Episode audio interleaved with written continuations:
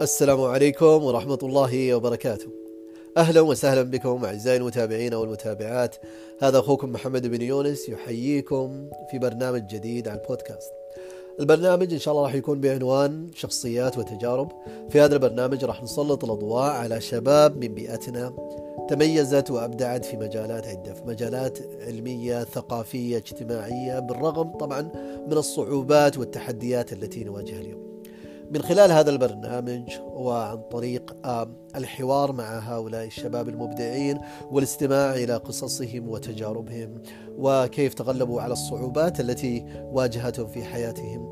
نتمنى أن تكون إحدى هذه القصص بداية إلهام وشعلة أمل لشاب متحطم أو شاب فاقد الأمل في حياته وقد يظن إن حياته لن تتحسن ابدا. أكيد أعزائي إن شاء الله راح أرجع لكم مع ضيف إن شاء الله متميز ومبدع. فكونوا في انتظاري كل يوم سبت.